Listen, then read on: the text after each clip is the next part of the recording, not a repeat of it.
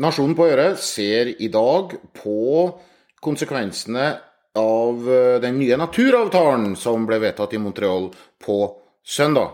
For eh, betyr det at vi må verne masse mer av Norge nå? Mm, nei. Den første naturavtalen på tolv år ble vedtatt i Montreal på søndag med håndfaste mål. 30% av verdens land- og havnatur skal beskyttes og bevares før 2030. Sitat. Espen Barth Eide og hans folk kjemper intenst for ny naturavtale, skriver Ole Mattismoen i Aftenposten i helga. Lykkes de, må det gjennomføres massivt nytt vern i Norge de neste årene, skriver Mattismoen. Det lyder mer som ønsketenkning enn nyhetsjournalistikk. På fastlandet har Norge verna 17,6% av arealet. Og det er mer enn de om lag 15 som er verna av verdens areal. Og så har vi Svalbard attåt. Øygruppa er norsk, den er diger, og den har mett med sårbar natur. Heldigvis har den også sju nasjonalparker og 23 naturreservat. Medregna Svalbard er 27% av norsk landareal verna. Og siden Montreal-landa ikke har et ønske om å la verdens øynatur bygge ned ubeskytta, så må vi nesten regne med Svalbard også. Det er i sjøen vi sliter. Sjøl om regjeringa i år verna 1322 kvadratkilometer av Lopphavet, så har vi bare verna 3,6% av norske havområder. Hvis vi da ikke regner med dagens vern av havbunn eh, Over denne havbunnen kan det i teorien både fiskes, fangstes og legges vindturbiner eller oppdrettsmerder. Men du kan ikke gjøre noe på bunnen uten tillatelse. Marint vern forhindrer som regel ikke fiske, og sånn sett så skulle det være uproblematisk å verne mye mer i den gigantiske blå bufferen vi har rundt oss på norgeskartet. Men det grønne skiftet kan bremse det blå vernet.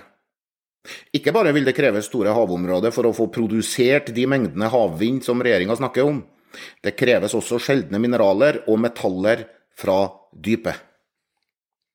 På bunnen av norske dyphavsområder ligger det kobolt og mangan, nikkel og bly, sink og kobber, titan og sjeldne jordartsmetall. Sånt som er helt nødvendig for elbiler, turbiner og ellers sånt som vi skal erstatte olje, gass og kull med. Dagens produksjon av disse stoffene skjer i stor grad i Kina, et land som vestlige økonomier i større grad vil unngå å gjøre seg avhengig av. Og dermed er vi tilbake i den motsetninga som fornektes så lenge det går, konflikten mellom klima og miljø. Som sjefen i det internasjonale energibyrået, Fatih Birol, sier, er det et sitat, 'truende misforhold' citat, slutt, mellom verdens klimaambisjoner og tilgangen på kritiske mineraler for å gjennomføre her ambisjonene. Noen må grave opp de greiene som muliggjør det grønne skiftet. Samtidig skal det marine vernet altså øke. Det kan bety et mer lagdelt vern, som utnytter det faktum at havet er tredimensjonalt. I havområder med sårbar natur i øvre vannlag kan vind, oppdrett og annen overflateaktivitet forbys, mens det fortsatt kan høstes mineraler på bunnen. Andre steder kan det være omvendt. Aktivitet som påvirker bunnfaunaen kan være forbudt, men det kan høstes i en relativt triviell vannoverflate. Regjeringa vil ikke frede ressursene på havbunnen før de er ordentlig utreda.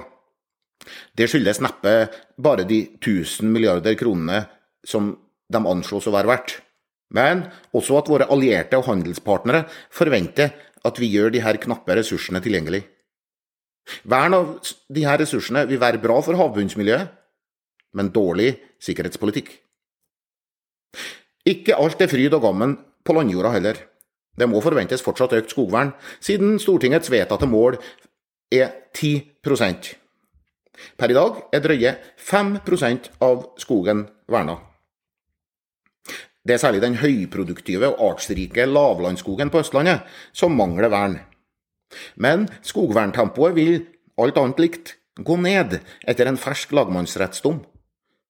Den senker kapitaliseringsrenta eh, for erstatning for tapt skog. Det betyr mye høyere erstatning til skogeier, og mindre verna skog per million i erstatning.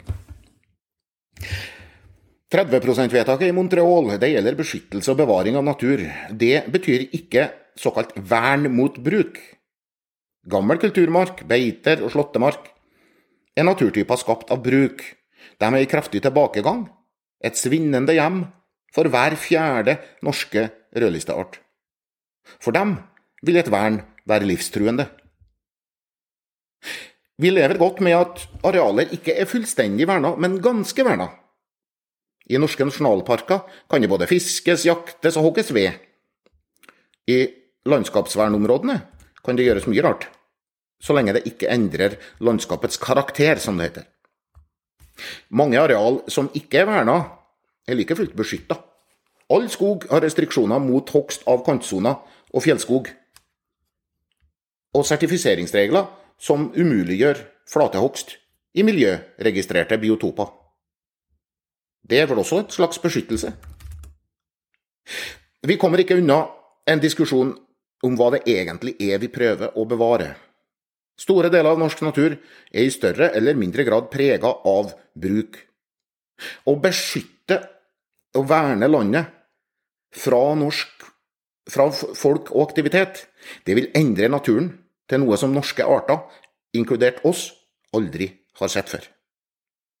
Det var dagens Nasjonen på øret. Hans Porsgaard ønsker deg en fortsatt fin og naturrik dag.